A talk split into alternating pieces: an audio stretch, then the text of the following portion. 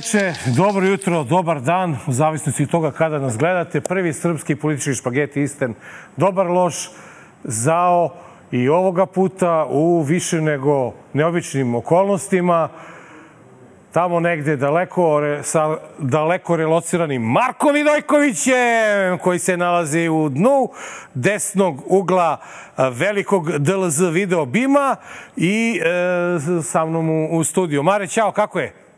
Ćao, kao što vidiš, e, e, tehnologija je uznapredovala, više nisam e, u televizoru, sad sam ovaj, na ekranu i još malo pa ću postati... Tako je, još malo pa ću postati onaj, kako se zove, Max Headroom. Ima e, da vam se svima opećam sa, sa video ovaj, bima i da me slušate. Sve hoću da te pitam, brate, ove, ove nedelje koje provodiš tamo u miru i, i blagostanju. Ili ti padne na pamet nekada Čale? Ne znam ko je to. Pa Čale, bre, dao si joj nadimak, Ana Brnabić je. A ne, ne, ne, ne možemo više da je zovemo tako. Što? Ja sam joj dao, dao sam, dao sam joj novi nadimak. Ona je od, mislim, ako sam je ja kum, pa sam je, u smislu da sam je kumovao da se zove Čale, onda vada ja imam pravo da promenim taj nadimak, je tako? I od sad se, Na ona šta? se od sada, daj mi šansu, mi pruži mi šansu. Ne, ne, znači, ona se tamo. od sada zove Prolup Ana. Prolupana Brnabić. Zato što Čale. je... E, ne, Prolupana Brnabić, ajde ponovi. Prolupana Čekaj, Brnabić. Nije meni, nije meni problem da ja to ponovim. Prolupana. Prolupana. E, to, prolupana. Prolupana, da. ali šta ćemo sa roditeljstvom onda?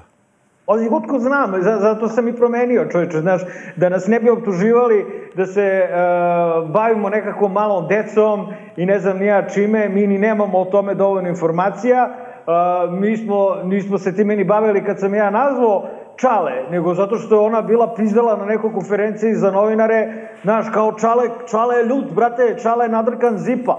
I, ove, ali sada kada je situacija takva da je to pipava tema, i da Čale, bivša Čale, može ovaj, da popizdi, razumeš, kada, kada nas sluša kako pričamo ovaj, o njoj i njenim privatnostima i sam si pričao kako je ovaj mesec dana tihovala. Ja sam odlučio, uh, zaključivši na šta liči posle izlaska i tihovanja, da je mnogo bolje stoji nadimak prolupana. Ali nemoj, ne, nemoj samo meni da uzmeš za zlo ako se i dalje iz čisto sentimentalnih razloga ne budem rukovodio time da je zovem i dalje Čale. Meni Lupana to... Brnabić. Pa Čale mi nekako, znaš, ali ne, znaš zašto se sve ovo pitam? Zato što Čale, od kad je izašla iz tog svog Lupana. tihovanja, da, e, e, Čale je, ovaj, ča, Čale non stop napada medije. Znači, jedino zašto se Čale oglašava u, u javnosti, to su mediji, to je Danas, N1, Nova S, Nova RS, i svi smo mi neki, jel, tu šalabajzeri koji radimo za jednog tajkuna, a oni su svi tako dobri, fini, pametni, obrazovani i, i uopšte, teo sam da te pitam, a to ću pitati gosta, ima ono nešto pametnije da radi, šta misliš ti, nego sem nas da napada? Prolupala je, brate, to ti pričam, riba je prsla. Znači, ono, kad, znaš, kad provališ da je neko prso i onda kada prolupa, onda te uzme, znaš, nas koristi kao bokserski džak, znaš kakva je ona malo, ono, znaš, hoće da mogu da da, i onda, znaš, lupa udara po nama, jebi ga, udara po nezavisnim, no, po voditeljima podcasta, po nezavisnim medijima, po nama koji ne možemo nikako da se branimo. Mi ne da, možemo da. ništa. Ona koja ima svu silu u svojim rukama, prolupana. Znači, prsla je i počela je da divlja nad nama. I ja sam je napisao otvoreno pismo, zamolio sam je da prekine za svoje dobro, za Firerovo dobro i za naše dobro u krajnjoj liniji, razumeš, stvarno ono... I malo je prekinula, malo, dva dana se nije time bavila, za vreme Ju, Uskrsa. Juče, juče je bre bila ponovo na happy i opet je mlatila praznu slamu, opet prošlo je... praznik, prošlo praznik. Ne, ali brate. da ti, mogu, mogu da ti kažem da je posle svih ovih godina e, tog našeg e, druženja sa tim nadimkom Čale, ona je na kraju prihvatila to i rekla je ispravno, rekla je da je zovu Čale, a ne Ćale, tako da... Sve je to rekla? Jeste, rekla je negde da li na, na, na happy ili ovih dana, negde sam pročito da je to rekla. Međutim, Mare, ono što, što je e, na neki način e, mene malo... Čekaj, stani bre, Nenade, je li smetalo? U kom smislu je to rekla? Je bilo Pa rekla drago? je ono kada mene diraju i nazivaju svakakvim nadimcima, pa onda rekla i čale, meni to ne smete jer se ja borim za istinu i borim se da se bivše snage ne vrate na vlast i trala Znate, ona je, ona je prsla, ja ti kažem, da li ti misliš, evo, vidiš da neko njom, njom mi neko, brate, Firer kontroliše nju, kao i sve ostale, dakle. Ona I, je prolupana, Prolupana. prolupana, dibidus. dibidus. E, nije sad mnogo, Marko, problem što je ona prolupana, nego što je i ovaj prolupao skroz. I on e, jednostavno gubi kompaks, kompas gde, šta, kada i kako kaže. Tako da, nažalost, posle ove male e, zanimljive pričice o prolupani, mi moramo da se vratimo na našu jezivu stvarnost, a ona se između ostalog desila prošle nedelje neposredno pred Uskrs u Raškoj. Ali ja znam šta vi očekujete i šta tražite od mene, iako nećete da izgovorite da ne biste ni mene kao vašeg predsednika, ni državu doveli u tešku situaciju. Ja znam da je jedina vest koja bi vas obradovala to je da uđe srpska vojska na Kosovo i Metohiju. I ja znam da vas suštinski sve drugo mnogo manje interesuje. Tek tada biste se osjećali sigurnim.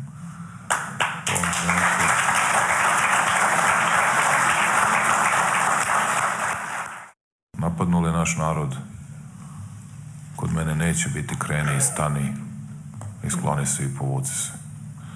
Samo to treba da znaju svi. Ja im nisam ni Milošević, ni Tadić, ni Koštunica. Tako da to treba da znaju da...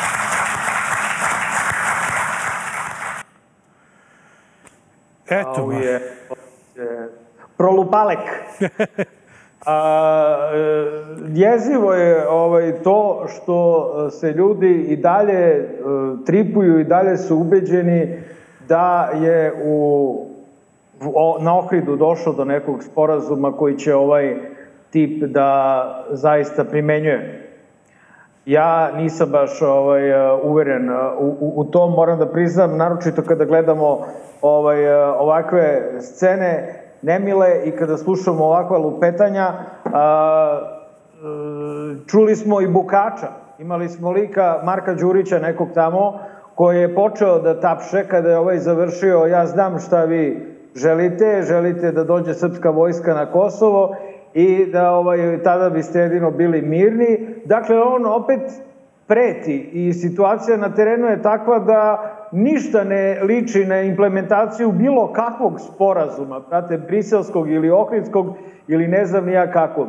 A, on se, ono što je dobro, uporedio se sa Tadićem i Koštunicom koji nisu vodili ratove, niti im je to padalo na pamet, nisu imali kreni stani, šta god da je on Ne znam da se računa, evo te ono što je bilo ovaj, u Preševu i Bujanovcu, tada je Koštunica bio predsednik SRJ, ali koliko znam, tada je policija rešavala taj problem sa oslobodilačkom vojskom Preševa, Bujanovca i Medveđe, ali, brate, ovako jedenje govana mi uopšte ne prija, pre svega zato što zna se ko će na jebe, ako on zaoštrava retoriku, to je uvek unutrašnji neprijatelj. A to smo ti i ja. Da, o, o, jezivo je o, kako on e, zlopotrebljava situaciju kada je sa Srbima sa Kosova. On tačno im kaže ono što oni žele da čuju. Znači, on njima tačno kaže, ne, ne, ja kad se stavim na čelo vojske, pa kad krenem, pa kod mene neće biti stani, povuci se, nego udri, brate, a zna da od toga neće doći ništa. I on je tu dobio par aplauza, dobio je aplauze malo i kod ovih u, u, u ovom biračkom telu u Srbiji, ali u stvari on, on, on puca u prazno i on puca praznom puškom jer tako nešto neće da se desi. I ja, Marko, moram da ti priznam da sam posle svih ovih godina juče se njemu zvanično izvinio zato što sam mislio da je on lud, a on je u stvari normalan. Jer samo normalan čovek može ovako nešto da kaže kada zna da to ne može da uradi. Samo normalan čovek može da nas ubedi da je da, da nešto nije potpisao, a da je prihvatio, a da hoće, a da neće i tako dalje. Tako da sam mu se ja stvarno na, na svoj način onako izvinio i ukapirao da sam bio u zabludi, jer e, Srbija nikada nije imala normalnijeg čoveka i ovo što je govorio u, u Raškoj sasvim o, dovoljan dokaz za, za tu, tu tvrdnju. Znači, Srbijo, srećna si ili imaš normalnog čoveka na čelu države, ne znam šta drugo da ti kažem. E, ali ajde objasni mi sada sledeći. Dakle, e, šta se to dešavalo u, Raškoj? Dakle, videli smo njega, videli smo Prolupanu, Uh, videli smo ovog lika, brate, ne mogu, nik, nikad neću naučiti kako e, se zove. Uh, Petković, Petković se preziva, neka bude Petko, eto. Ne znam kako ne, se zove. Marko Đurić, brate. Ja, Marko meni će, Đurić. Meni će zauvek biti Marko Đurić pred očima, pa ću i ovoga da zove Marko Đurić. Bili su, Update, dakle, Prolupana, uh, Prolupalek i Marko Đurić su bili tamo. E, dakle, na, a koji su Srbi to bili To je tamo? bio, to je, sad ću ti kažem, znaš šta je bilo to?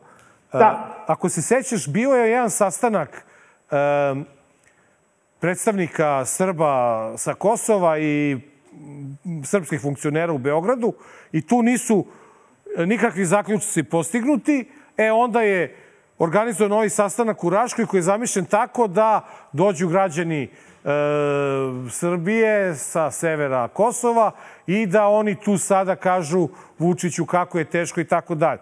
Međutim, problem je, Marko, što tu nije bilo e, normalnih ljudi, nego su to bili sve ovi normalni e, čelnici srpske liste, predsednici opština i njihovi funkcioneri. Tamo se nije čuo e, glas naroda, nego se čuo glas srpske liste.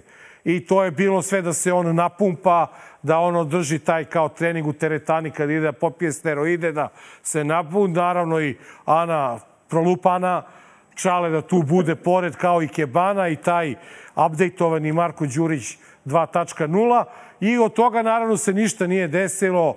E, problem je što on sad ponovo uvlači u priču e, probleme sa registracijama saobraćajnim, a prihvatio je e, da Kosovo i Beograd i Srbija i Priština, Beograd e, imaju te tablice i tako dalje. Tako da on sada... Da li je prihvatio, da li je prihvatio, eto, o tome pričam sve vreme. Vidi, Nenade, grožđe iz Čilea. E, E, ja, tamo si stigao. Čekaj bre, malo, Mare, aj se malo, aj se malo zamenimo. Sad su zaboravili na tebe, pa se ti Dobro. vrati pa da ja odem do Čilea malo na, na grožđe, a? Ne, Uf, ne mogu ima ja i da dobro, skakam. ima i dobro. Ali vidi, aj zanemarimo, zanemarimo ovog našeg normalnog i tu priču o Kosovu i sve, da vidimo mi šta se to sprema veoma brzo, nova frka uh, na istoj teritoriji.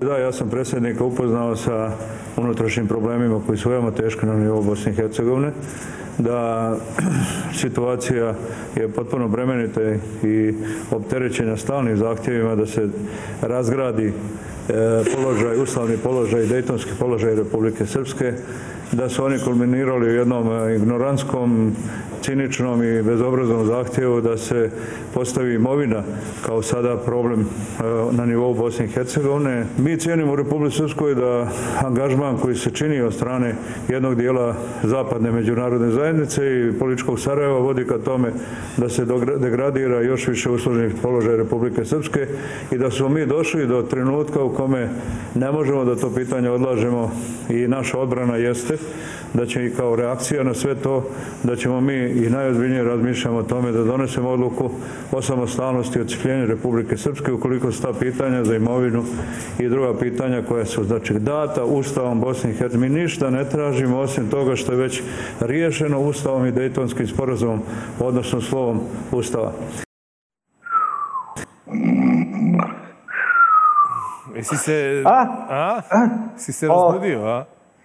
Brate, ovaj, eh, on je toliko dosadan da ja sam negde na, na, na pola ovaj, stao jer sam znao kuda ovo ide. Ja bih voleo da Dodik promeni ploču. Evo ne znam, evo te kako, zato što mi već godinama, e, ok, ja sam možda malo glup, i pecao sam se godinama na ovaj, eh, to njegovo samostaljenje Republike Srpske, od kog naravno nema ništa, od toga zaista nema ništa. Ovaj, eh, I, e, znaš, sada kada, kada on to pomene, to je zaista kao ovaj, pucanje iz prazne puške. Ja bih volao da on promeni ploču, jer znaš, pretnja osamostaljenjem Republike Srpske I to ukoliko se ne poštuje Dejtonski spor... Znači, brate, to je, to je ono ovaj, zaista prazna priča. Ovaj, a kojim povodom, ja zaspo, brate, kojim povodom je on ovo pričao? Šta? Pazi, Šta je sad desilo? Znači, samo, samo smo obavešteni da je došlo do sastanka između Dodika i, i njega i posle toga su bile te izjave gde je on pred Vučićem ponovio pod 35. put to da će Republika Srpska da se ocepi. Vučić naravno je to iskulirao, e, bavio se drugim, e, drugim pitanjima. Ali, znaš šta je meni negde duboko u meni? Onako postoji jedan žal što, postoji žal što ta Bosna i Hercegovina imala priliku stvarno postane građanska zemlja, ali očigledno je to kad, je imala nemoguće. Ne, pa kad su došli, pa kad su došli stranci, kad su zauzeli sve, kad su krenuli da obnavljaju Bosnu, mogli su da naprave ostalom Dodik je kao takav čovek Marko i e, izabran da bude tu gde je se našao posle Biljane Plavšić, koliko se ja sećam. On je bio američki čovek, on je se zalagao za građansku Bosnu i Hercegovinu i tako dalje. I sad, jednostavno, mi ovde smo nekako prokleti sa tim politikama, prokleti sa tim ljudima koji se u jednom trenutku nađu na čelu i ostaje žal za propustištenim šansama. Eto, to je moje jedino objašnjenje. Video sam da je e, neko pokrenuo da je neko podigao krivičnu prijavu u Bosni i Hercegovini protiv Dodika zbog negiranja genocida u Srebrenici. Da. Takođe sam ga čuo da je a, rekao da je Jakov Milatović uvredio sve Srbe time što je zločin u Srebrenici okarakterisao kao genocid. A, i, i, i, a, I ono što sam takođe primetio, i to ćemo ponoviti, je to da je Skupština Republike Srpske usvojila nacrt zakona po kome se, izmena krivičnog zakonika, po kome se uvreda i kleveta ubacuju ovaj, u krivični zakonik i ako su urađene, gone se dakle po službenoj dužnosti i ako su učinjene, to je počinjene putem medija, ti mediji se globe ludačkim, brate, kazama od 15-20 hiljada evra. E, to je ono što se dešava i, i što mene zapravo konkretno brine kada je reč o ovom e, entitetu. Ne brine me da će se entitet e, osamostaliti, ali, mi se, ali me brine da će ovaj, u njemu e, ono malo slobodnih glasova dodatno stradati. Vidi, Nenade, dru, još jedan, kolega, Upio sam, e. imam, imam, imam pare, imam pare, imao sam pare za tri, nemoj misliti da ode život slave. Imao sam pare za tri, poveću sva tri ove u emisiji. Au. Sad mi je žao što ja ne ponesu onaj vlaški sir, ostao mi u kolima, pa da ti pravim zazubice malo, ali e, budi siguran da je zrelo grožđe i tvrd jak sir stari dobra kombinacija. E sad, šta je isto dobra kombinacija? Dobra je kombinacija da imate ovu e, vojnu industriju, da proizvodite neku municiju i da tu municiju valjate nekim zemljama putem kojih ta municija dođe tamo gde treba, a pritom to nije večera koja se postavi za sto, kako reče naš normalan predsednik. Hoću da podižem našu vojsku i hoću da podižem našu vojnu industriju. To je moj posao. A ni jedan metak nikada nećemo izvesti Ukrajinu i Rusiju. Ali vi razumete, mi pravimo nešto što se koristi na ratištu. To nije za modnu pistu, to nije za ručak. I hrane kad proizvedete višak, ona će na nečijem stolu, na nečije trpezi da završi. Bilo gde u svetu. A ne oruđe i oružje ili municije. I to je tako čisto kao suza, da jednostavno nemam reči. Kakav odvratan tip, koliko je ovo odvratno što je on rekao i znaš dok on baljezga o našoj jedinoj a, grani industrije koja funkcioniše, a to je valjanje oružja, oruđa i municije kojim se ljudi ubijaju širom sveta, jel? Ovaj, a, mi, znači onda stvarno je jasno zašto, zašto ovaj Srbija ubija male. Znate, to je loša karma. Mi smo dali sve rudne resurse Kinezima i kome god, brate. Dali smo Kinezima opet a, a, ovu, svu moguću građevinsku industriju, sve moguće grade. Oprali smo silne pare od šverca ovaj, narkotika koja nam je druga grana industrije koja nam ovaj, ide od ruke. A, Rusima smo dali ovaj, NIS, Brate, sada i ovaj EPS ide, u, uh, je li EPS ili Telekom, šta ide, brate? Ovaj, EPS, da, EPS. EPS postaje DO, Znači, sve smo sfućkali. Zemlja zagađena, voda zagađena, vazduh zagađen, sve otišlo u tri lepe pičke materine, ali namenska cveta. I ja sam se pitao, dakle, u jednom trenutku sam opet bio naivan i bio sam u fazonu, ja, šta se ovi naoružavaju, zašto kupuju raskodovane migove, zašto kupuju ovaj, ove neke za ruske pizdarije, zašto on radi na vojsci, a onda sam shvatio, njemu je naša vojska modna pista, ono što bi on rekao, to je sajam na oružanja. Njemu naša vojska služi, to je srpska vojska, šta naša, ja pa ti nema već više sam. Ove, njemu srpska vojska služi da bi se on okolo pokučio i pokazivao. I on ima računicu. On kupi nekoliko razjebanih migova i ovih nekih sistema, ne zaboravim kako zovu, uh, pancir, je li tako? Koji bre? Ono nešto drusa što je kupio, pancir. Pancir. Pancir ne, valjda, nemam pojma. Jebem li Kupi tako neka sranja, razumeš, ulozi u to nekoliko miliona ili nekoliko desetina miliona. I onda, brate, za potrebe građanskog rata ili rata koji besni u Jemenu, u kom nemam pojma, brate, ni šta se dešava, sigurno ima tamo našeg oružja. Videli smo, brate, u Frci, ovaj, a, a, da li to bila Jermenija, neš ono, brate, suda da se puca, tamo zađe srpska municija, srpsko oružje i ljudi ginu.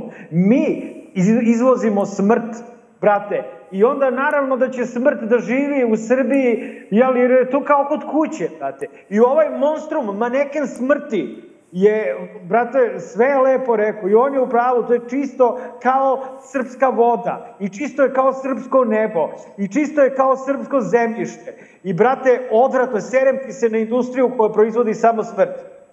Ušao sam, pao sam u vatru, izvini, poješću treći ovaj sad, a, a ti pričaj. A ja sad da pričam. Pa ne, nemamo, no. šta, nemamo šta da kažemo, sve si lepo rekao, maneken smrti. Evo te, brate, evo. Maneken smrti koji to pegla onako kako njemu odgovara, zlupotrebljava onako kako njemu odgovara, optužuje nas da dobijamo nalog iz inostranstva da bismo radili protiv naše namenske industrije, a u ostalom šta će nam ovaj, namenska industrija ako nam tako dobro ide po svim drugim poljima o kojima on non stop priča, jel? Tako da ja bi više e, volao da proizvodimo za, cveće za... nego met, metkove.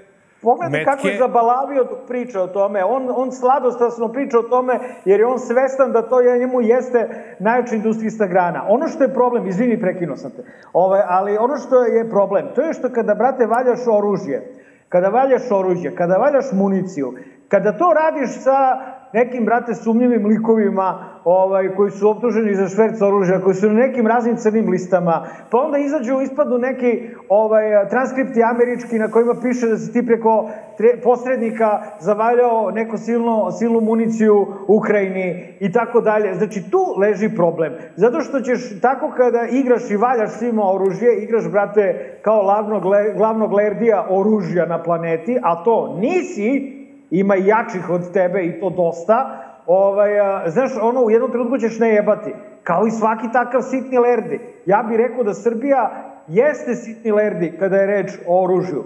Zato što, uh, znaš, mi ono kao valjamo i to nam se kao isplaćuje i na našem smrdljivom nivou tu leži neka zarada. Ali, brate, ko se sve ugrađuje u tu zaradu, pitaj Boga, brate. Vidiš i sam, Nenade, koliko je afera bilo tim povodom i ni jedna nije bila ni blizu razrešenja.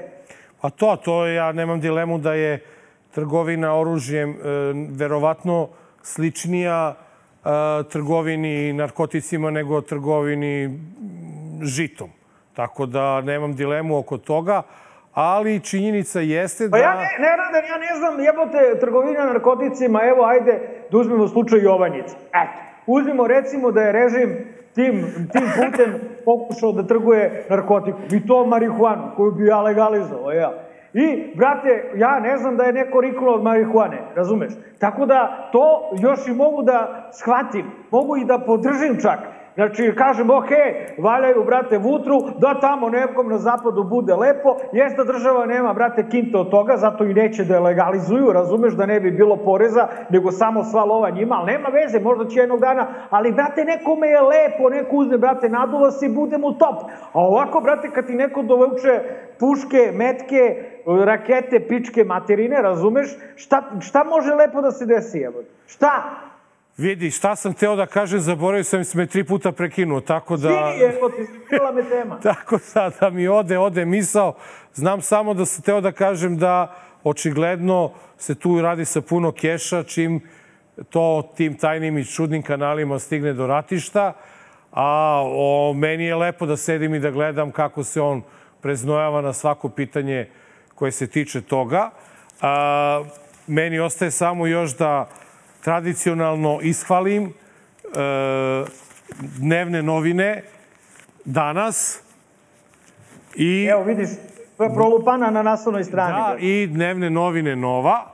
Ima tu veoma zanimljivih ovaj e, eto dnevne novine Nova dovode e, daju razgovor sa Ognjenom Radonjićem i Kokanom Mladenovićem.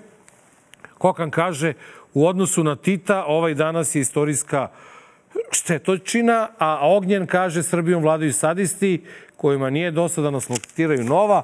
Kad je reč o danasu, evo jedan naprednjak se otvorio za danas, novopečeni naprednjak, Dragan Jovanović, ovaj, u selu, pa on je bio predsjednik opštine Topola, stranački kolega Velji Ilić je pa je napravio bolju Srbiju i sad je ušao u, u Ti si mi, ovu- Nenade, lično pričao za njih da su naši. Da, da, da. Si govor u Topoli, sećam se. I ovaj, tako, tako da je tu eto zanimljivo. Nemojte nikada ovo i ovo nacionalno blago da preskačete na kiosima. Mi idemo na džingl i vraćamo se na razgovor s našim gostom. Dobar. Loš. Zao. Dragi gledalci, 253. izdanje Dobar loš zao, a u njemu po drugi put, ako se ne varam, u nas, kod nas u emisiji, da, bio jednom, Treći, drugi put. Treći, Tre- kad je bio i u? Šapcu, i u Šapcu bio. Šapcu, pa ne, ne, a, a i ovde je bio još jedan put. Pa da, pred izbor. zaboravio sam. Pa da. Čoveče, koliko emisija. E, izvini, Bojane, bio sa nama Bojan Pajtić! Inače, naš, Bravo, bravo. naš, nastavljamo, nastavljamo tradiciju da uh, ugostimo ljude koji su se zajedno s nama našli u spotu televizije Tako Pink. je. To je, znači, ono, uh, društvo, ne može da bude društvo mrtvih pisaca ili pesnika, ali može da bude društvo mrtvih protivnika Aleksandra Vučića, otprilike. Ono, da- Živih, živih i dalje živih. Budući, u- Za sad još živi. Za, zatvorski univerzitet budući. To Da, da, zatvorski univerzitet. Ko, Ko može bude- pijade onomadi, to Ko je bude imao da. sreću završi u zatvoru, jel ono, e, tako je. To. Ja bez četkice za zube nigde i ne idem, tako da znači, tu je u jaknici. Dobro. U svakom Da ne brinemo svaki slučaj. Dobro. Bojane, ovaj, ajde da počnemo mi upravo od toga. Možeš slobodno prema meni da se, a ne, u stvari da, ti me gledaš tamo, okej, Da, da. nemam freke. Ovaj, pa rekao da me gledaš ovako dok ti pričam, da gledaš pravo u mene, ovaj, a ne tamo kažem, ne. ne, znam, ne znam u kom pravcu je Čile uopšte, razumeš, tako da gledamo, evo gledamo napred. Jer ovo- ovo je ko sever i jug deluje, brate, da. Dakle, da. ovaj, e, kako ti tumačiš e, kampanju koja se desila posle Vučićevićeve e, Golgote i, ovaj, e, i kako tumačiš što si se među tri političara koji su se našla u spotu e, televizije Pink našao baš ti? Da, koji nisam političar već sedam godina. Da, to je, to je, to je posebno zanimljivo. Pa to upravo govori o ovom, ovom uh, uh, sadističko, uh, narcisoidnom karakteru prvog čoveka ove države. Dakle, um, mislim da je odreagovao zapravo na uh, emisiju o Zoranu Đinđiću, uh, gde sam ja komentarisao naš uh, telefonski razgovor uh, za vreme akcije Sablja. A ne bih ga nikad ni komentarisao, ja ne komentarišem nikad telefonski razgovore koji se neki vodio, prosto mislim da to nije pristojno, nego je on pre nekoliko godina, kada su spominjali da je Krkalović kapicuškivala zajedno sa Stefanovićem, rekao, e, za vreme akcije Sablja sam se čuo s Pajtićem i on mi je podno izveštaj šta se dešava. Pazi, ja njemu podno izveštaj, znači ja bio šef poslaničke grupe DOS-a, on bio treći u poslaničkoj grupi radikala koja je u tom trenutku ne samo nebitna, nego veoma sumnjiva s obzirom da su gotovo svi članovi Zemunskog klana, članovi Srpske radikalne stranke istovremeno. Ja ne odreagujem tada uopšte. Međutim, kada je Filip Šmar sni- snimao emisiju o Zoranu Điniću, kaže Vi ste se čuli sa Vučićem za vreme akcije Sablja. Šta ste vi pričali s Vučićem za vreme akcije Sablja? Ne možeš to ćutati, ali ispašći još da sam, ne daj Bože, jel da, zaista podnosio izveštaj. I ja kažem, zvao me je i ridao je. Dakle, čujem plače, neko, razumeš, neko rida u, u, slušalicu i kao vi ćete nas hapsiti, vi ćete nas hapsiti potpuno spaničan. I tu taj njegov mit o njegovoj hrabrosti, i o njegovoj nedodirljivosti i o njegovoj unutrašnjoj stazi pada, znači se opoštava se. Još pitom u novinama, e, sutradan kada su me pitali da dodatno prokomentarišem to, kažem, neka puste snimak. Ne transkript da oni Suzana prave transkript kako je izgledao razgovor. Snimak neka puste se vidi dečko plače prosto, kako da kažem. Dobro, mlad dečko bio, Ali, pa, to, pa je to bio, se, bio ovaj, slab bio na, na, to, na To se apsolutno uklapa u taj njegov uh, mentalitet kako i to ne? može da potvrditi svako koga Iole malo poznaje. Da, da. Da je on u, u stvari jedan zec prestrašen koji se plaši, a naročito u situaciji kad je njegov zaštitnik Šešelj bio u Hagu. Tako je, zato on tako histerično reaguje i panično reaguje na svaku kritiku.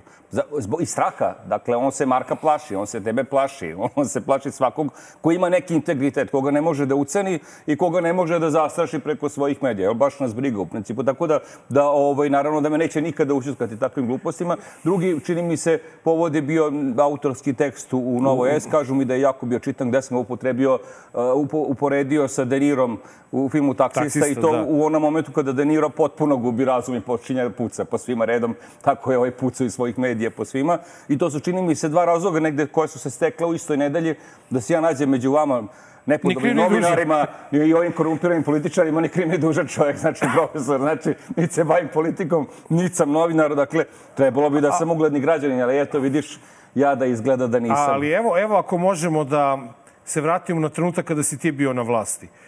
E, bukvalno nema epiteta, nema ružne reči, nema e, grozote koji tebi nije, tebi nije stavljena na, na teret. A bio si na pozicijama vlasti, nisi koristio televiziju Vojvodine da se obračunavaš sa njima, kao što, na primjer, to oni sada rade. On je uveo nešto novo i upravo si ti oslikava njegov karakter. Da li, evo sad, sad je kao neko malo primirje.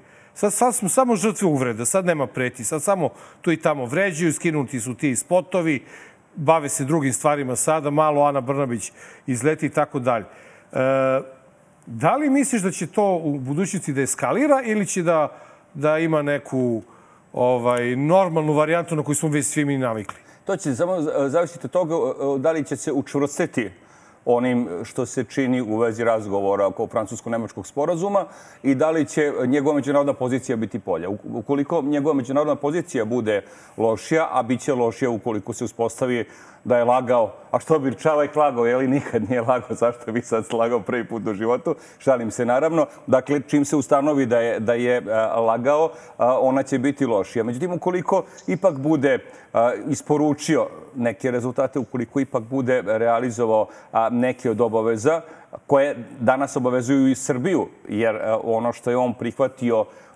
usmeni sporazum i u skladu sa Bečkom konvencijom međunarodna obaveza koju Srbija mora da ispunjava, jer on kao predsjednik Srbije po ustavu predstavlja Srbiju i u tom smislu on je u očima međunarodne zajednice apsolutno legitimni legalni predstavnik Srbije tada će dakle postupiti brutalnije.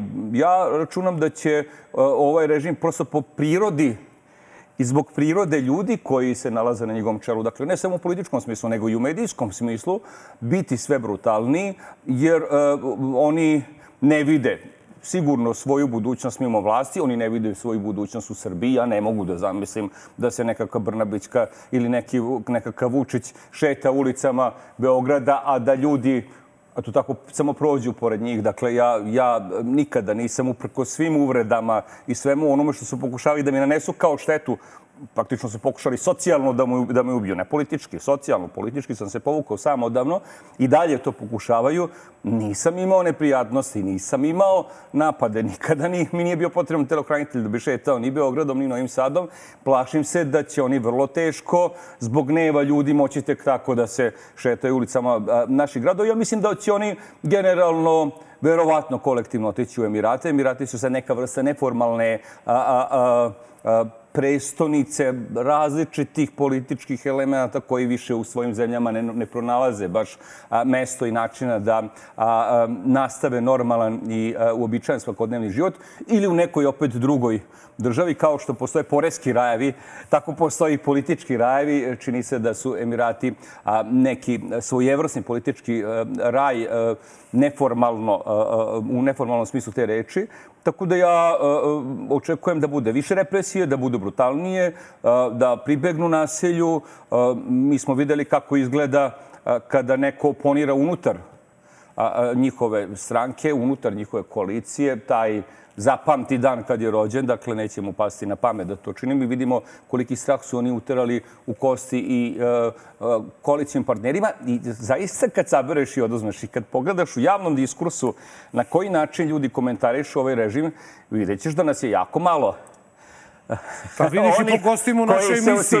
Nema, nema vas mnogo novih. Da zaista, da zaista kažu, da nazovu, nazovu stvari onako o, kako, a, kako jesu i da se usude da kažu u potpu, potpunu istinu. Dakle, vrlo često će ljudi, iako žele, iako su opozicijalno orijentisani, koristiti eufemizme, ublažavati malo retoriku, upravo zbog toga da se ne bi našli na, na udaru i medija i političara režima. Evo Marko, Marko je spremio ovaj, Pa htio sam da ga pitam, pre nego što stignemo dotle, kako će Vučić da stigne do, do, do ovih Emirata, pošto trenutno ne vidim način. A, da se vratimo malo na sporazum, takozvani sporazum briselski i ohridski.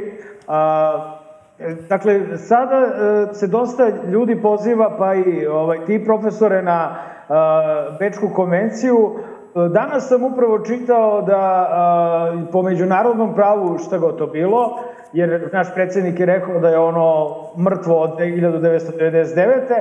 Ali po međunarodnom pravu, dakle, usmeni sporazum se računa kao sporazum ukoliko nema jasnih ograda. A, I sad postoji lažna premisa da mi nismo čuli jasne ograde, a ja se bojim da smo od Vučića pred domaćom javnosti uvek čuli te dve vrlo jasne ograde, da neće biti priznanja Kosova i Kosovo u Ujedinjenim e, nacijama. Dakle, šta je on priznao, to je šta se on dogovorio? Dakle, kod zaključivanja sporazuma i kod sklapanja ugovora generalno, dakle i kod onih koji se u građanskom pravnom smislu zaključuju, ali i kod onih koji se u međunarodnom pravnom smislu zaključuju, je važna saglasnost volja dve strane. Nije bitno šta on posle priča, bitno je šta se on zaista dogovorio, odnosno sporazumeo u trenutku kada je taj sporazum bio sklapan, potpuno si u pravu. Dakle, prema članu 5, ako se ne varam, Bečke konvencije, usmeni sporazum apsolutno ima pravnu snagu kao i pismeni sporazum i kažem, on zbog toga u očima međunarodne zajednice jeste apsolutno obavezujući za Srbiju, tako da tu nema nikakve dileme. On, taj sporazum počinje i da primenjuje. Vidim pokušaje dakle, da se prikupe potpisi za referendum Narodna stranka je pokrenula tu inicijativu.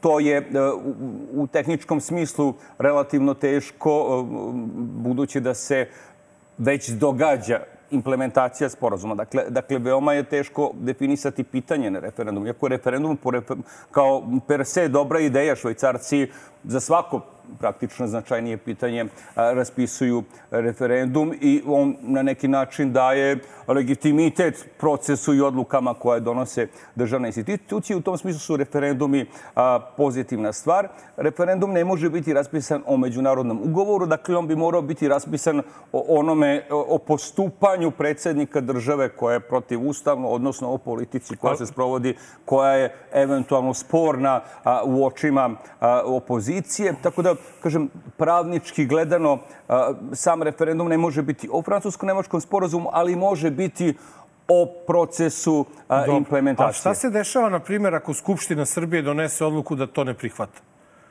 Skupština Srbije će sigurno doneti odluku da to ne prihvata. Dakle, neće biti raspisan. Ja ne, ne, ne, ne, da ne, ne, nisam razumio. Šta ako Skupština Srbije donese odluku da ne prihvata to što je Vučić prihvatio u Briselu i Ohridu? Na primjer, Pitam, ne, da, da baš krene iz redova SNS-a ta priča. Da, da. I ovi neće da formiraju da. srpsku zajednicu pa to, i mi to odbijamo. To je, za sve izvesno, kod njih ta, ta tradicija unutar stranačke opozicije je bogata. Evo, na primjer, Cvijan, jel? Da. I više ni nema. Mislim, znaš, to je posljednji opozicionar u Srpskoj naprednoj stranci. Dakle, mislim da tamo nema unutar stranačke opozicije, ni, ni hipotetički ne, ali jasno, ne mogu, jasno da bi to jedino ne mogu Vučić da tu izazove. Situaciju, naravno. Da bi to Vučić mogao da jasno, izazove. Jasno, jasno, da. jasno. Ili- Tačno mi je jasno o ili- čemu ili govoriš. Dakle, ili čekaj. ukoliko bi izveli performans neki Evo ti konkretnije stvar, možda je Da. ovo verovatnija e, mogućnost, da Skupština donese odluku da e, predsjednik Srbije ne sme da primeni član u kome se spominje priz, e, e, članstvo Kosova u jedinim nacijama. Problem je sledeći. A, što A on taj- je prihvatio taj sporazum, ga nije potpisao. Dakle, problem je sledeći. Ovo je, ovo je u, suštini, u suštini pre svega pitanje za Ustavni sud.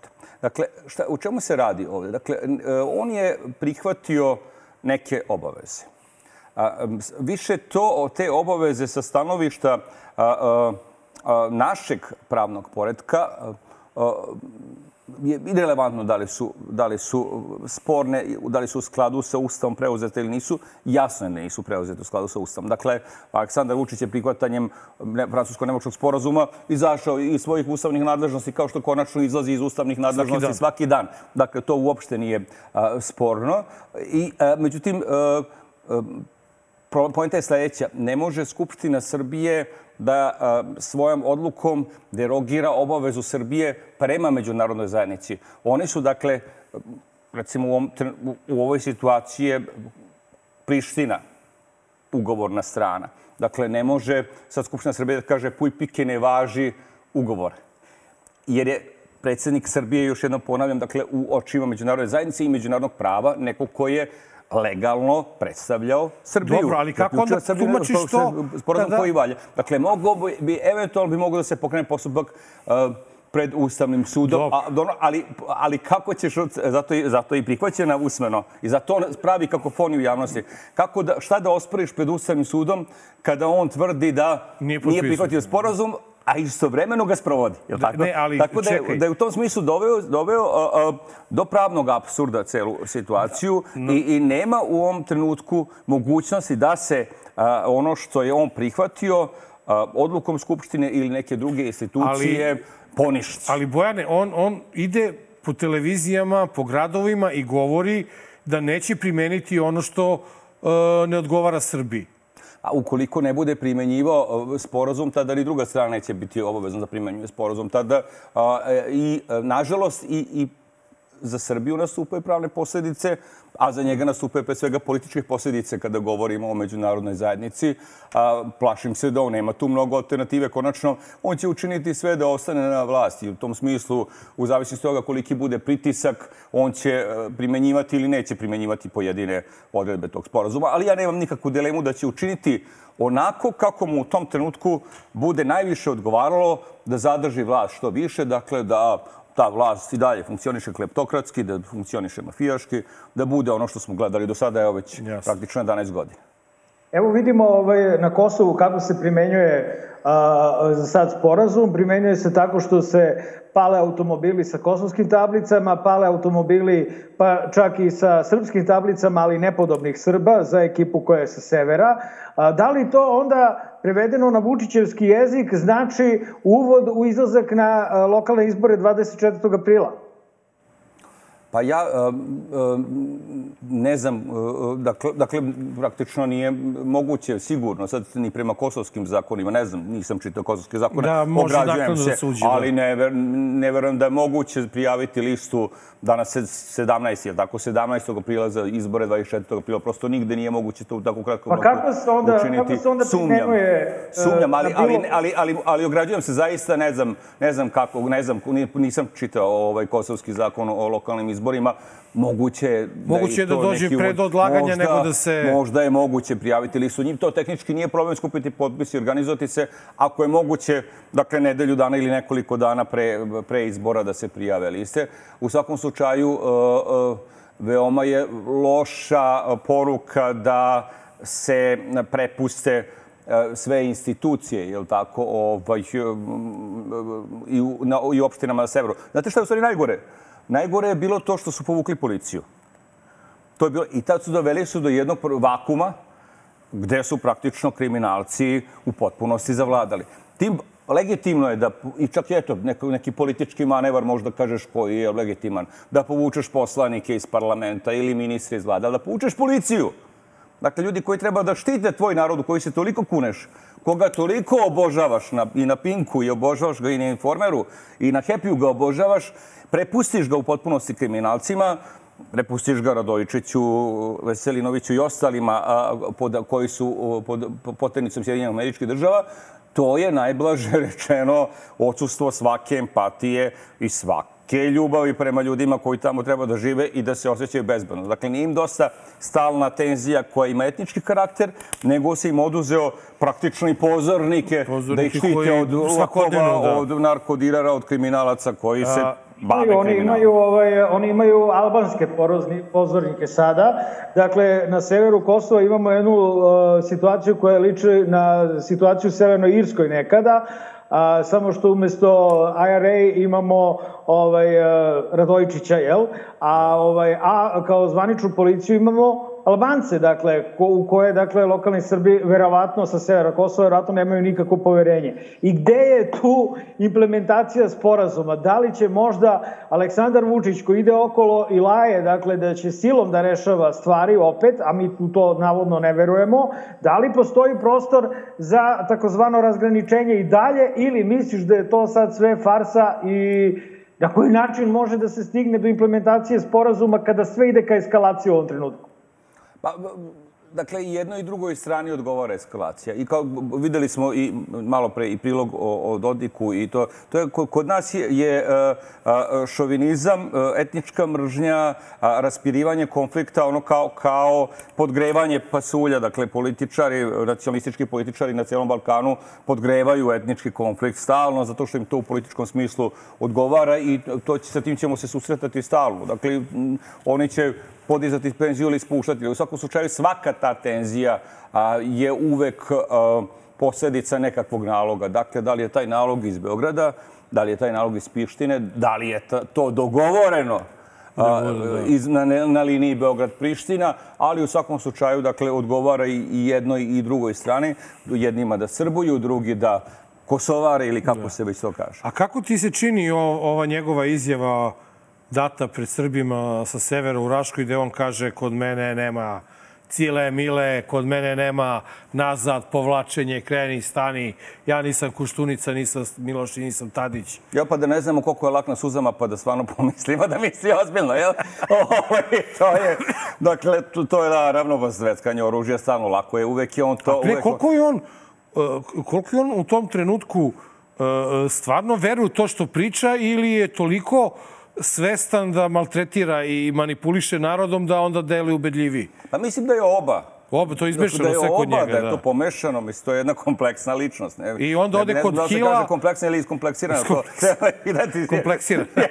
kompleksirana ličnost. Dakle, is, iskompleks, iskompleksna ličnost. Dakle, koj, koja, kod koja se meša, dakle, i želja i potreba za manipulacijom, ali prosto ga ponesu aplauzi. Ponesu, on, on negde podsvesno ili čak i svesno zna da su oni i te pesme koje mu pevaju i to skandiranje neko diriguje, neko daje nalog, neko sa strane to kaže sad aplaudi aplaudirajte sad. Ko kod Staljina, znači išao je, išao da. je u gulag prvi koji koji prestane da prvi koji prestane da, da, aplaudira, da. tako i ovde nema da se prestane dok neko ne kaže stop, ali to njega nosi, dakle čovek živi svoj san, čovek e, sada prazni sve svoje frustracije, sve svoje komplekse, dakle uživa s jedne strane u tome da izigrava oca nacije, a s druge strane a, manipuliše ljudima i a, u tome ga prate, odnosno tomu sugerišu ozbiljne marketiške agencije, ulaže se ogroman novac istraživanje javnog mjenja praktično na dnevnom nivou. Svaka ta rečenica je u izjavama koje su kraće od dva minuta vrlo jasno fokusirana i isplanirana. Problem je u tome što ne može, jeli, protiv sebe, a, što bi rekao Heraklit, karakter je čovjeku sudbina i on voli dva sata, brate mili, da samo njega gledaju i slušaju. Nikad ga niko nije gledao i slušao je u životu. Jasne. I onda lupa ko je šta. Ali, dakle, ono što su nekakve poruke koje, koje uh, treba da se pošalju, se onda izdvoje, onda se one plasiraju u centralnim informativnim emisijama i to se radi vrlo, vrlo racionalno perfidno, i vrlo perfidno. Izvoli, Mare. A da idemo sada u Emirate. Dakle, da bismo stigli do Emirata, neko treba Vučića u Srbiji da sruši. A, taj neko bi trebalo da ima svoje političke predstavnike, a to bi trebalo da bude opozicija. Bojane, ti si dugo bio i pozicija, opozicija, sad si politička penzija. Molim te prokomentariši situaciju na opozicijnoj sceni u Srbiji. Na opozicijnoj sceni. A, a, da. Tu imamo, imamo sad, a, što se tiče desne opozicije, ona je u rastu, to je jasno. Njoj ide u prilog ova situacija oko francusko-nemačkog sporozuma. Problem je što se čini da oni zaista infrastrukturno ne mogu da isprate taj rast, ne mogu da izvedu ljude na ulicu. Čini se da je negde crkva u potpunosti amortizovana. Meni je interesantno da su, da su pojedine, pojedini episkopi, a, kad je bio a, Pride u pitanju, bili spremni da s puškom i traljezom spreče ljude da sat vremena šetaju a, Beogradom, a ovih hiljadu godina na Kosovu, što smo i hiljadu i po, reč, nikom ništa, reč, reči, niko nema, niko ni praćku ne vadi. Sve ove godine. Ni ne treba niko da vadi ni, ni praćku bolje. bolje. Je, apsolutno. Dakle, ni praćku, ni puškom i traljez, ali samo primećujem koliko da je interesantno da je mnogo veći entuzijazam bio oko nekih stvari koje su u odnosu na pitanje Kosova u očima crkve potpuno sekundarne, da ne kažem tercijarne. Dakle, u tom smislu taj desni korpus stranaka bez nekakve podrške iz crkve neće biti u, situaciji da kapitalizuje značajnije ono što se sada dešava. Što se tiče levog centra, tu imamo jednu, jednu veliku konfuziju. Kad kažem levi centar, mislim na, na znamo na šta mislim, je tako? Od, od SSP-a, DS-a, zajedno moramo do PSG i tako dalje i tako dalje. Dakle, e, čitav taj korpus stranaka koji negde svoju podršku traži uslovno rečeno među bivšim biračima DS-a, LDP-a, G17. Dakle, u tom polju se političkom kreće. Oni negde u velikom broju, ne svi, ne nikako da artikulišu svoju politiku načinom na koji će shvatiti da ne mogu da se obraćaju svima, da ne mogu da budu catch-all stranke. Ja sam to pokušavao više navrata da, da objasnim mnogima. Vidim da recimo, recimo ovaj, uh, uh, uh, dečko Grbović, da on Pavle. razume, Pavle Grbović, da razume da, da, da stranke u uslovima ovakve medijske blokade ne mogu da budu catch-all stranke. Dakle, moraju da svoju politiku izoštre, da na taj način imiraju svoje birače, da na taj način podižu izlaznost. Ima tu dosta tema, dakle, koje su značajne jednom broju birača koji neće izaći jer nemaju za koga da glasaju. I u tom smislu opozicija propušta, dakle, čitave neke džepove joj ostaju ljudi, potencijalni birača koji bi glasali za opoziciju. Ne znam, Postoje ljudi u Srbiji koji su za to, da, koji misle da je racionalno da Srbija postane a, deo NATO. Nijedna stranka a, ne govori o tome jer je to nepopularno u opštem biračkom telu. Ima, postoji veliki broj ljudi u, u Vojvodini, ne znam, 78% ljudi se u Vojvodini regionalno izjašnjava kao Vojvodini. To nije naravno etnički, ali velikom broju ljudi je značajno... A, a, Bilo značajno, bi lepo da se neko obrati. Recimo, kad bi se neko obratio nekakvoj publici koja je, koja je veoma brojna, i kada je ta tema u pitanju i tako dalje. Dakle, imamo čitav niz tema koje su potpuno nepokrivene jer je to, bože moj, nepopularno užicu. Pa aman, dogovorite se. Jedni neka se obraćaju jednom delu birača, drugi neka se obraćaju drugom. Problem je sledeći. Političari opozicijonu u Srbiji treba da shvate da sad više ovo nije borba za pozicioniranje stranaka, nego borba za slobodu. Šta to znači? To znači, vrate, ti si političar levog centra. Jel? Vodiš stranku. Sad neću da imenujem bilo koga, ima ih nekoliko, tako. Ali ti moraš da promišljaš o tome kako ćeš praviti matematiku da srušiš aktuelni režim. Dakle, odeš, sad pričam potpuno hipotetički, kažeš, evo imamo ovaj interesantna pojava, princ Filip, evo potpuno na pamet pričam, sad mi je pao recimo čovjek na pamet. Dobro funkcioniše na mrežama, vidiš, ostaje da živi u Srbiji. Ima nekakve pretenzije da se bavi javnim poslom. Ima nešto, sećamo se kad je ovaj bugarski, bugarski sad pobedio na, pobedio na izborima. Ovde se to ne bi dogodilo. Nemamo mi toliko monarhista. Ali u Srbiji uvijek imamo 15-20% monarhista. Mnogi od njih danas nemaju, nemaju za koga da glasaju ili, su, ili mnogi glasaju i za SNS. ali ne bi glasali ako bi nekakav princ vodio nekakvu listu. Idi pa pričaj s tim čovekom, brate. Idi pa pričaj i s tim ljudima sa desne strane, sa potencijalnog desnog političkog spektra, ubedi ih da naprave stranke. Pravi nekakvu matematiku gde ćeš sabirati sve ono što možeš da sabereš i oteti, oteti naprednjacima odakle god možeš da otmeš glasove. Dakle, budi malo kreativan. Svi se nadgornjavaju na nivou, e sad će moja stranka da bude 6%, a sa, samo da stranka ovoga bude, ne znam, 4 ili ne znam da. da bude... Pa to su gluposti. Pa to su potpune gluposti. Ili kako ćemo sad kao da se... Mislim, nisu gluposti. A, a, grup sam. I mislim da ne treba biti grup prema ljudima koji se bave opozicijom politikom, jer su ljudi u, u ozbiljnim rizicima da. u ovakvoj situaciji. Dakle, ovaj, da se ispravim uopšte. A, a, nisu gluposti, ali nije racionalno. Dakle, nije racionalno da se baviš sada banalnim pitanjima koja će stranka biti najmanje mala.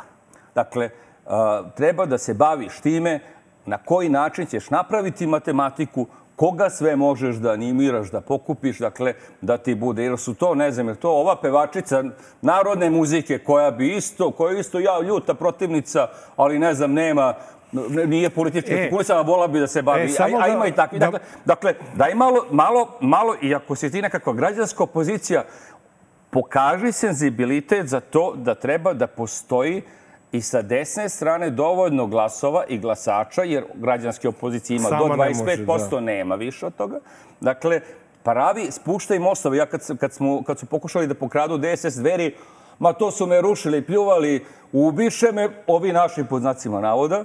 A, dakle, osnovna ideja je bila da ti prvo, pod jedan, moraš da pokažeš to da ti je krađa na izborima neprihvatljiva. Nisi demokrata ako dozvoliš da bilo koga pokradu na izborima. Kogo god da se ne slažeš njim. A druga stvar, da spustiš mostove prema onima koji će ti biti neophodni. Može želo da, se, da ti se prevrće koliko god hoćeš i da se ne slažeš koliko god hoćeš. Nemate, brate, dovoljno. Nemate ne, dovoljno. Dakle, moraš da imaš i na desnom centru dovoljno broj. Kažem, eto ti, Neka me izvine, princ Filip, dakle, ne znam da čovjek uopšte ima političke ima, ambicije, a vidim ima ambicije u, u javnom životu. Vidim došao u Srbiju, vidim nešto pokušava, želi, gradi. Ali mogu bi da podrži nešto, da. Vidim da je podržao ovo, ne, ne, bunio se protiv Rio Tinta, dakle, Tinta, podržao da, da, se da. protiv Rio Eto Tinta. Varijante, par puta je istupio na način koji je bio opozicion. Dakle, ima još takvih ljudi, imaš, imaš načina da ti sabereš mnogo toga danas u Srbiji, a, a, a, jer, jer za Srpsku naprednu stranku glasa u, ukupnom biračkom telu negde oko četvrtina, negde oko 23, 4 do 5 ljudi. Dakle, i za SPS još, ne znam, 5, 6. Dakle, dakle to je 30, 1, 2. To je više nego dovoljno u uslovima nekakve izlaznosti koja je prosečna. Ali ti i unutar, unutar tog korpusa i unutar onog korpusa ljudi koji inače ne glasuju, možeš da nađeš ljude koji bi glasali yes. za nekakvu ideju koja im se dopada. Međutim, kažem, i levi centar odbija da se zalaže za nepopularne ideje, ne razumeju da se ne mogu obraćati biračima ni dveri, dakle, neko ko je demokrata, sad pričam opet na pamet, ne može uzeti glasače dverima, ne može uzeti glasače milici zavetnici i obrnuto ljudi, dakle, saberite se, vodite svaku svoju politiku, ali tako da imate sutradan otvoren prostor da gradite nekakvu većinu na toliko tema, dekriminalizacija, podela vlasti, vladavina prava. Sistem. 20 godina će biti potrebno, sad 20 30 godina će biti potrebno da se saniraju posljedice ovog užasa u kome živimo, a da ni jedna tema ne bude sporna. Jasne. Da ni jedna tema ne bude izoštrena do te mere da nije svakom prihvatljiva. Toliko smo mi pali, što kaže, reče Marko malo pre, na svim poljima, zatrovan vazduh, zatrovana zemlja, zatrovano, zatrovana voda, gde ćeš bolju zajedni, bolje zajedničke platforme. Oni ti pružaju zajedničke platforme.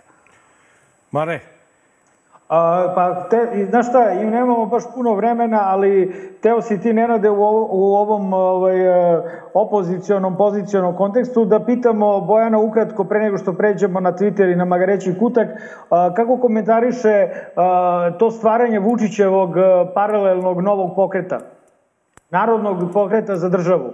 Znaš šta, a, a, prvo, naravno, sam je, sam je e, naziv Nušićevski, jel? Mislim, samo još negde to nije a, a, a, trebalo da se zvao Narodni pokret za državu srpskog naroda i ostalih naroda i narodnosti, pa da sve bude obuhvaćeno, dakle, o, i za bolji život, i za veći standard, i za više investicija. I za srećne ljude. 150, I na 150 reči, jeli, u, u, u nazivu, to bi bilo savršeno. Dakle, naravno da je kao što, što je, što je groteskni, groteskani na, groteskno naziv koncipiran, tako je groteskno koncipirana i cela ideja da se prikrije da se SNS krije zapravo iza tog pokreta, da se tom pokretu opredeli nekakva državotvornost kao osnovni program, pri čemu iz toga naravno proizlazi kolateralni zaključak da svi mi koji smo protiv tog pokreta ili kritikom taj pokret smo i protiv države. države i protiv naroda, jer su jel da, i država i narod u samom nazivu pokreta. I to je, dakle, zbog toga što SNS kao stranka znatno lošije stoji prema istraživanjima javnog mjenja nego što stoji Vučić. Dakle, svaki pokret i svaki potez koji preduzmu Vučić i Srpska napredna stranka su uvek je isključivo uslovljeni ostavljanjem vlasti. Nikad to nije posljedica želje da se učini nešto pozitivno. U Srbiji uvek je to posljedica želje da se nekako učvrsti rating, da se nekako prevare građani da glasaju A za tu... A i to mu je najbezbolniji put da konačno podnese ostavku sa mesta predsjednika stranke, će postati lider novog pokreta. Dakle. E, pitanje sa Twittera potpuno nevezano za sve ovo što smo pričali, jer toliko je bilo svakojakih pitanja da jednostavno ovaj, E, nije ni vreme ni mesto, ali mi smo izabrali e, pitanje. Jovane, možemo da dobijemo pitanje ili da ga čitam? Evo ga. Evo ga. E, e, e, e, morat ću da ga pročitam ne, sa... Ne, pročitat ću ga ja, ne, da ajde, ga ja vidim. Ajde. Danu. Dakle, Snele pita, pitajte ga mogu li Denver i Partizan do titula u NBA, odnosno Euroligi? Ja zaista Bojane, izvinjavam se. Možda bolje da smo ga pitali... Izvini, ovaj... veoma da aktualno da pitanje. Da Prvi put pitanje. posle koliko vremena da, da, imamo da, da, situaciju da, da. je srpski klub dakle, i ide u Final Eight. Tako jel? je, tako je, tako je. Pa bilo bi interesantno da, da, da Partizan uđe u NBA ligu, jel? ne, ne. a, Denver, a Denver u Euro ligu. da, da. naravno, naravno, šalu na stranu. Ovaj, uh, mislim da bi to bilo lepo. Nisam pasionirani navijač Partizana, nisam uopšte navijač Partizana, ali volao bih da se to naravno dogodi. I što ono što je interesantno, je li, da, da naravno nas zapravo, zapravo a, stalno se vrši inverzija. Kako oni koji kritikuju režim nisu patriote. Zapravo, oni koji su zabrinuti i koji hrabro kritikuju režim su najveće patrijote u ovoj zemlji. I to je, i, i sasvim sigurno najsnažnije navijaju mogu... i za Đokovića i za Partizana. Da, a... Jer ti kad ti se sve ovo dešava, što se dešavalo nam od pretnje smrću, sve, sve se razumem, jedino mi krivo što si ti završio čilo, ja nikako nigde, da, nikako nigde mene da za ovo ne. E, ali ovaj... bilo bi zanimljivo čuti u, ksa, u, uh, gde se, u, u, u Litvani se igra ovaj, da, da, da, Final Litvanije, Four. Da, da, da. I zamisli Mare u, u Litvani, ono, Vučiću, Pederu, pazi ono da grmi u, u, ta, u hali, pa to bi bilo stvarno ovaj... Ali ako je to to da pređemo mi na Magareći kutak, šekrano je stvarno zanimljiv, ovaj, zanimljiv deo. Idemo na Magareći kutak.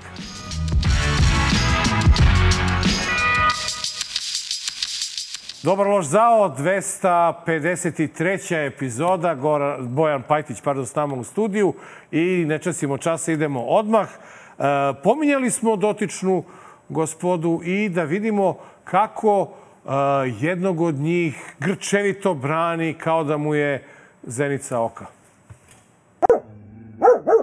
A kada govore o tome da sam kriv što sam rekao da znam koliko se oni koji upadaju na sever da ubijaju Srbe plaše Milana Radojičića, nisam slagao ništa. O tome imate desetine i desetine beležaka u svim našim službama, snimljenih razgovora i svega drugog o čemu koji to nedvosmisleno potvrđuju. Da li on akademik ili ne znam šta, ne, nije. Ali da li je bio uvek spreman da se bori za svoj narod? Da jeste. Za razliku od svih drugih koji su uvek pronalazili način da nekoga kriminalizuju. Ako znate nešto, molim vas prijavite nadležnim državnim organima a nemojte da pričate po televizijama gluposti, nego tiđite pa kažete taj je uradio to, to, to i to i mi ćemo odmah da reagujemo i, nema nikak, i neće biti zaštićenih, niti će to biti gospodin Radovičić, niti bilo ko drugi. Ali nemojte da tražite razlog da vodite kampanju protiv Srba u bilo kome drugom zato što znate od koga ste dobili nalog da tu kampanju vodite i znate od koga ste dobili nalog da oslabite srpske pozicije na Kosovu i Metohiji. E, to je suština. Zanimljivo je da jedan čovek koji je uzeo i prijavljivao i govorio o tome što radi Radovičić nije više među nama. Da. Oliver Ivanović. Da, da, Ovo da. isto otvoren poziv. Aj, prijavite vas da vas... Daj da vas vidim. Da, da, da, da, ja Prvo ćete dobiti spot na Pinku, ups, to mi je baš poznato. Ja, Evo, Da, da. onda... Ovaj. Ne, a, to je ono, ne dam Gašića, ne dam Malog, ne dam Vesića, ne dam... Zašto? Zato što oni funkcionišu kao mafijaška organizacija. Dakle, to je koza nosra, to nije politička stranka. I u tom smislu, dakle, ukoliko bi on pustio niz vodu bilo koga iz te strukture, to bi bio signal svima ostalim. Opa, Mislim da grešiš. Opa, Znaš zašto sutra, mislim da... Sutra će i nas da pusti Vulin. Gašić, Vesić, oni su verni psi. Da, A ovaj, je, ovaj je ipak biznismen. Ne, ne, ne, ne, ne, ali on je, Ovo je veran, on je veran u drugom kontekstu. Dakle, oni su Da, verni da. u verbalnom kontekstu, ovo je veran u, očito u finansijskom kontekstu. Dakle, ali, to je potpuno, ali to je potpuno druga, svejedno. druga fela ljudi, on nije političar. A, nije sporno. Nije to sporno. A, i sve to isto. Kao što imaš onoga, ovoga, a, kao što imaš u, u, u, kod Kopole. Dakle, jedan je samo advokat. Koliko imate, kao, koliko imate klijenata? Nisam čuo za vas, pa zato što imam samo jednog klijenta. Dakle, drugi se bavi likvidacijom, treći se bavi, ne znam, sekundarnim sirovinama i tako dalje. U tom smislu ne bih podcenjivao tu vrstu unutrašnje kohezije. Oni nisu saradnici, oni su saučesnici jer to jeste u suštini jedna organizovana kriminalna družina po svemu onome što kao efekat vidimo a, a, u, i u finansijskom i u političkom smislu. I, e, dakle, ukoliko bi nekog pustio niz vodu, to bi bilo, bio opasan signal da će pustiti i ostale. Drugo, oni svi jedni od drugima znaju sve i svašta, dakle, ni ne znaju koliko ovi drugi znaju i to je, dakle, jedna e, septička jama u koju u kojoj bi praktično ovaj efekat bilo puštanja bilo koga niz vodu bio i ekvivalentan bacanju bombe u tu septičku jamu. I, i to je ono što a, on svako neće učiniti. Drugo, a, a, ono što je meni, što je meni zaparalo uši je užasna poruka koja se šalja međunarodnoj zajednici. Kaže, šta vi pričate o Radojičiću, a, da je on, ne znam, pa aman, dakle, Amerika je stavila tog čoveka, dakle, pod režim međunarodne Dakle, To poternice. sam teo da ti pitam. Da li ga nekad je- Hill podsjeti na to on, kako se dakle, vide? On je čovek, dakle, pod sankcijama Sjedinjenih američkih država. Niko to nije izmislio. To je egzaktan podatak i kad god se govori o njemu, to se kaže. Pa šta je tu netačno? Ma ne, ali da li ga Hill da podsjeti? Šta misliš nekada kad se vide? Evo, skoro su se videli pre neki dan. Pa, verujem da ga podsjeti u vezi u odnosu na druga pitanja. Sigurno ga podsjeti i u odnosu na ovo. Mislim da generalno, generalno skandal, dakle, ali, ali e, skandal način na koji se ponaša čovjek koji je predsjednik države. Ali e, e, oni nas počinju da doživljavaju i zaista kao nekakav e, kao nekakvu zemlju trećeg reda, a, počinju da nas dož- doživljavaju kao nekakve urođenike koji niti, niti mogu bolje, niti zaslužuju bolje. To je ono čega se ja pašim, da se jednostavno civilizovan svet a, polako diže ruke u Srbiji. Jer kad vi možete za svakih deseta godina da glasate za nekog autoritarnog, Tako. Vre, krajnje e, duševno, e, e, emocionalno spornog a, tipa, prvo za Miloševića, pa onda za ovoga, onda ipak nekakav problem a, u vama kolektivno, pa niti ćemo mi vas u, pustiti u Europsku uniju, niti vi imate nekakvu perspektivu i u tom smislu se ja plašim da oni po, polako počinju i da prelaze preko ovakvih stvari. Bitno im je da ostvare svoje spoljno-političke interese. To je u ovom trenutku Kosovo, to je u ovom trenutku francusko-nemački sporazum. I ja se plašim, dakle, da ćemo mi ostati zatočenici ove družine u kojoj je to Radojičić jedan od perjanica. Mare? Ne, Bojan je sve rekao, možemo da imamo E, dalje. dobro. E, sada, Marko i ja smo omiljeni, e, da tako kažem, likovi. Ne znam kako bi nas on nazvao. Novinari, ja bi nas nazvao novinarima. Novinarima. Omiljeni novinari gradonačelnika Beograda, A, pa lepo. kojima je on pretio čupanjem e, srca i e, zbog toga je čovek čak je oslobođen i krivične prijave koju smo Marko i ja prodneli. E, sada ćete svi imati prilike da vidite kako e, on e, Priziva krv. Da, da vidite vi kako krv je onako sasvim jedna normalna reč u žargonu Aleksandra Šapića. jer sam ja danas na udaru sa svih strana. Ne zna se više kao Bruce Lee u onom filmu, više ne znam s kim se bio. Samo se vrtim i mašem rukama. Protiv mene može se protestuje gdje god želite. Ja obezbeđenje nemam, vidjeli ste kako sam došao. Šetam se svaku noć u ženskoj kosi. Može me napadne kogod hoće i kad god hoće. Ali da mi dolazite na dom gdje mi živi porodica, gdje dolaze roditelji, žena, deca, prijatelji, to ću da branim krvlju. Ja sam to otvoreno rekao. To je interesantno. Jel kod nas nema te samo odbrane, ja mislim, kao u Americi, kad ti neko upadne, nema, nema. pa ga rokneš, Kad ti u mora Americi ideš u kad zatvor. uđeš na tuđi posjed... Da, ovdje kod nas toga da nema, zeznu da se lišiš- malo, Da, a? liš, da lišiš života, jeli, da, pus- da mu pustiš krv, a kod nas je to, bi to bilo prekoračenje nužne odbrane, dakle, bilo kakva reakcija koja bi bila nasilna ukoliko to lice nije nasilno. A, I u tom smislu, dakle, e, evo, kao što predsjednik Srbije šalje opasne poruke, tako i gradonačelnik e, Beograda šalje opasne poruke, iako naravno a, niko ne može podržati dolaženje na, u, dom bilo čiji, ali pretpostavljam da se to nije ni dogodilo, da je to opet nekako, a, Tu bilo u ulici ispred doma. da, da, da, mislim da je to opet, opet nekako pravljanje drame oko, oko nečega gde da, drame nema. Ali ono što je interesantno kad je rekao da ne zna gde udara, Meni sad ova, ova uh, afera koja opet, zbog koja bi opet pala gradska vlast svuda na svetu, ovde nikom ništa, oko ovoga tendera koji je nameštan pa je to simljeno, zapravo uopšte ne miriše naravno ni na, na opozicijonu kuhinju, ni na kinesku kuhinju. Dakle, ovo miriše na kuhinju srpske SNS-a. I a, ovo a, u- ne želim da spekulišem. Odmah se ograđujem, uopšte ne tvrdim da je tako. Ali recimo, podsjeća me svojevremeno na, na Vesićeve kampanje protiv Maršićanina, a, protiv Čedomira Čupića. Dakle, on je vodio neke svoje privatne ratove svojevremeno, negde početkom 2000. preko Pinka i preko nekih drugih medija. I a, a, ovo je... Ovo mi negde liči na, na nekakvu, nekakvu... Drugo, u, u režimske medije ni ne može dođe niko iz opozicije. Dakle, ne može da dospe ni sa čim. Dakle, Ne može to da bude predstavljeno kao Ne može afera, da bude, da. da bude predstavljena na taj način. Tako da ovo, kad kaže ne zna gde udara, ja mislim da se generalno, kao i celoj toj stranci, pa i njemu, opasnost u suštini i, i ne vreba u ovom trenutku od opozicije, nažalost, u političkom smislu opasnost, da se ogradim odmah, nego opasnost vreba pre svega iz reba, Vidjet ćemo to u svoje sljedećem prilogu, ali Mare, da li ti se čini da, da je i ovim prilogom, ovim izjavom Šapić pokazao da je jedna nežna ljudska duša koja nikako da se navikne da je javna, javni funkcioner, da je bre gradonačelnik Beograda i da on mora malo bre da ima to neko u sebi nekog stava, neke stene, a ne da samo kuka kako će ovo, kako će ono, kako će da tuži, kako će da pušta krv i tako dalje. Aleksandar Šapić je sileđija, dakle, a, i to smo i sada i videli. I ovo je isto sileđistvo, dakle, da on, i to kukumavčenje, to je pasivna agresija, dakle, i pričat ćemo posle sledećeg priloga da li ima prostora za kukumavčenje ili je to zapravo repozicioniranje unutar Srpske napredne stranke, a, ali ovo što on, ovaj, a, a, ovo što on govori, i ono kako se ponaša, podsjetit da je ugovor sa Kent Cartom raskinut 14. aprila, dakle u sred afere Kent Cart.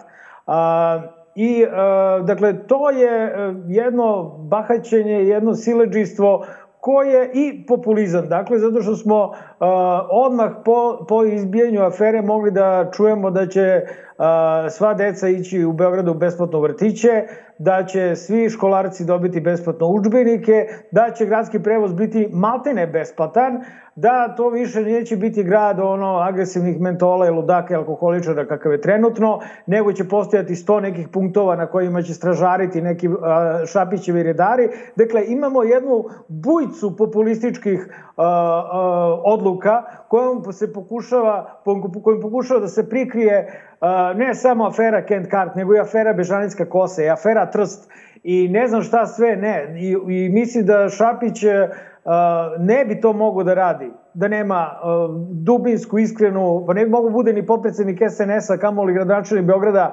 koji se Beogradom bavi kao, bukvalno kao svojim uh, dvorištem na Bežanijskoj kosi, dakle ono ovo je moje i sad ću da radim šta god hoću sa vašim parama, jel? Ovaj, uh, da nema apsolutnu pozdušku državnog vrha i to je ono uh, što je meni u celoj situaciji sumnjivo i to je ono što ja mislim, a to je da oni fingiraju svaki konflikt za koji se nama učini, da njega puštaju niz vodu ili ne znam nija šta, mislim da je to zapravo fingirano, jer da neko hoće da ga ukloni, to bi išlo mnogo brže i efikasnije. Šta ti Bojane misliš o tome? A, potpuno se slažem da on uživa podršku vrha. Ja i ne mislim da je ovo nalog Aleksandra Vučića. Ja mislim da oni vode a, i unutar stranačke ratuje, budući da znači, nema ko, unutrašnje kohezije, jer opozicija ih ne ugrožava, onda oni imaju vremena i prostora da se obračunavaju unutar svojih redova. I u tom smislu ja mislim da e, je deo napada prema njemu apsolutno ide negde iz pravca, pretpostavljam, Vesićevog okruženja ili okruženja onih ljudi kojima Šapić definitivno jako smeta i definitivno ga smatraju nekakvom preprekom i nekakvim neprijateljem, čak i ličnim. To su ljudi koji ne poznaju kategoriju političkih protivnika ili neistomišljenika. Ti si odmah neprijatelj čim ne razmišljaš ili ne postupaš kako nema se. To važi i za Šapića, dakle za odnos Vesić Šapić. I u tom smislu ja se ne bih iznenadio, iznenadio, opet kažem, nemam pojma, dakle, da li je to tačno ili ne, ali liči mi na Vesićev rukopis ova situacija i ova afera poslednja i, i ne bih se iznenadio kada bi deo tih afera a, bio usmeren, a, dakle, na protivnike iz same stranke. Pri čemu ne, ne zaboravimo da i Vučić sam koristi tu metodologiju kada želi da disciplinuje svoje ministre, da je, da želi, kada želi da disciplinuje socijaliste pred izbore, pa kada želi da disciplinuje socijaliste nakon izbora da bi im smanjio cenu prilikom pregovora. Dakle, mediji se u Srbiji više ne koriste samo protiv opozicije, nego se koriste praktično protiv svih onih kojima, a, a, koji smetaju Vučiću s jedne strane i očito po meni koriste se i za nekakve sitnije ratove koji treba da vode do o, pozicioniranja unutar same stranke. Imamo sad situaciju, sad ćemo opet videti Šapića, gde e, ovo što ste sada vas dvojica rekli može malo da bude poljuljano s obzirom da je on udario direktno na Vučića. Da. Mi smo danas uspeli da pronađemo izvore finansiranja, sredstva finansiranja, koliko sledeće nedelje krećemo u projekat i najkasnije krajem februara i početkom marta mi ćemo da krenemo za Borču, Ovču, Kotež i šta sam zaboravio preko i Krnjaču krećemo da radimo kanalizaciju krajem februara, početkom marta. Poslednja laž koja je ovde izgovorena, ne ovde, a to je da pre dve godine kreće da se gradi kanalizacija na celoj obali Dunava. Nije. Taj koji je rekao slagao se. Znači, Šapić je rekao da je Vučić slagao. Ja sam u šoku. E, kako sad, kako će sad Vučić preko ovoga da pređe, pa makar i da je dogovorena priča. Sumnjam, da je dogovoreno. Dakle, znajući da to kolika je... Zato vam kažem Kolika je ja. sueta u čoveka, čujem da sumnjam da je dogovoreno. Očito tu Šapić jednostavno nije ispratio, prosto mu je promakla ta situacija. Sigurno je pomislio da je, da je neko ko se pre njega nalazi Mislio u da je gradu... Vešić, na da je poziciji, to Da je. Vesić, dakle, da, da. sigurno nije mislio da je Znači- rekao Vučić i sigurno je ta strelica bila usmerena ka Ovo- Vesiću. Da a li ne ka možemo da ga košta mare je- glave, a? Ne može da ga košta, mislim da je vrlo brižljivo planirana njegova uloga u Srpskoj naprednoj stranci i ovakve iskrene omaške koje Šapić, za Šapića nisu ništa novo, on ovaj, nije mogao ni da se seti a, kako se zove čuveni film Bruce Lee u Zmajevom gnezdu, gde se on bukvalno, mislim dobro u svim filmovima se Bruce Lee ne zna s kim se bije, odnosno ide bije sve redom, ali mislim da je mislio na, u Zmajevom gnezdu. Dako, vrate, znaš, ono, možda je mislio zapravo da je Vesić stajao tu, da je tu bilo obećanja, ču možda ovaj uh, predsednik opštine Palilula koji je zaglavio i zatvor čak. Dakle, verovatno je to imao u glavi, nije sigurno očekivao da se Vučić bavio kanalizacijom, što je čudno zato što je Vučić biće iz kanalizacije, tako da misli, znaš, čime bi se on bavio. Tako da, ali gradonačelniku će to da bude oprošteno. Siguran sam zato što mislim da su njih dvojica, što bi rekao Bojan Pajtić, nisu saradnici, nego saučesnici. E, e, ovde svako ko je došao, e, pitali smo ga kako misli opozicija da može da uradi neki posao, kako smeniti Vučića. Međutim, jedan čovek nam je, nama nikad nije pao na pamet, ali eto, dao je savet zlata vredan. Da vam se vratim Ajde, na, ajde, na politiku. se. Da pomognem opoziciji ako mogu. Hajte. Zašto opozicija ne može da dobije glasove kod građana? Zato što uvek ide i misli jednom politikom prošlosti. Ako kritikujem, napadam, napadam, napadam vlast, ja ću dobiti više. Pa šta da rade? Pa nećeš, dobit ćeš samo deo strašćenih ljudi. A šta da rade? Da hvale vlast? Ne, ne, ne, ne. Nego da predlažu ideje, predloge, kvalitetne stvari. Svaki će predsjednik, svaka vlast, pre ili kasnije da prihvati ono što je dobro za državu. Svaki će građanin da vidi da je ovaj vaš predlog bolji od mog. I glasat će za vas sutra. Znači, predlažite. Bo, on je u pravu, bre. Pa da, pa možda Karića da istorimo kao da umjesto princa Filipa, princa Karića. I to je neka dinastija je. Znači, da, da, dinastija, pa imaju da. kako ne, imaju da. grb, imaju sve. Dakle, o, imaju dvor na Dedinju, čekaj, u čemu A već je se problem? malo prestrojio jer je kukao kako ne može do godinama da dobije neki plac da zida kako Tesla da ne, grad. Kako da ne, kako Moramo da ne. priznati A i da je Bogoljub stariji ovaj, od Vučića u svakom smislu, i u političkom i u biznis smislu, tako da, a i nije, nije da nije loše rekao, zaista opozicija, ovaj, evo ako sad prikupe, ni ostrašćene ne mogu da prikupe ovako, ali ako dođu sa nekim konstruktivnim predlogom, onda će da prikupe, tako to ide. Ali on, ima, on je imao sjajan predlog. On je zapravo imao najbolji predlog u istoriji svih predloga. Da ako možeš da promeniš ime ili prezime, ako možeš da promeniš pol, možda promeniš i to da budeš 20 godina mlađi. Da, znači da, da. možeš dakle, da se registruješ da si 20 godina mlađi, jer, si, jer imaš energiju mlađeg čoveka, jer ti organizam... ti je sve lakše u životu, Jer da, ti sve da. ti je lakše u životu, što ne bi mogao da bude čak 20 godina mlađi, tražio da mu se upiše 20 Bojane, godina manje. Hvala ti puno što si bio još jednom gostu. Dobar loš zao. Bilo je zadovoljstvo pričati sa tobom. Pozdrav za Čile. Hvala Bojene, hvala ti puno što si bio naš gost. Dragi gledalci, bilo je ovo 253. izdanje vašeg omiljenog podcasta Dobar loš zao. Nemojte misliti da, znači vidimo se sledeće srede na istom mestu u isto vreme. Nova RS i YouTube u 8 sati uveče. Naš podcast, jedini podcast na Balkanu pod zaštitom Međunarodnog pen centra. A, I nemojte misliti da nismo vernici, da nismo ispratili uskršnje praznike. Nenade? Ne, daleko bilo. Hristos Vaskrese, uvek svi na početku, evo mi na kraju. I mi stvarno želimo da a, sve ove dane i koji su za nama i koji su pred nama, sve dok ne pojedete ta uskršnja jaja, da uvek imate a, u slici radost, veselje i pamet ovog čoveka koji sigurno ništa loše nije mislio kada nam je svima čestitao uskrs. A što se nas tiče, ostajemo tu gde smo, jesmo i šta smo i sigurno učutati nećemo. Laku noć i za 7 dana. Neka je današnji praznik svima srećan i radostan. Neka se slavi ime Hristovo koje je vaskrsao i među nama se opet pojavio. I neka bude tako. Čunite uši, u najavi je pobeda kada uzme majk. Znanje da propovedam, napušavam odreda Sva fake goveda što veličaju lovu. Koja je prokleta, klinci što se lože na prijave bolida.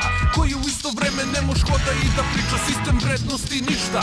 Kao i u vidla pa se bodu i upucavaju za poštovanje strita. Muda su do neba, jer tu je ekipa. Oči se dokazuju ko je veći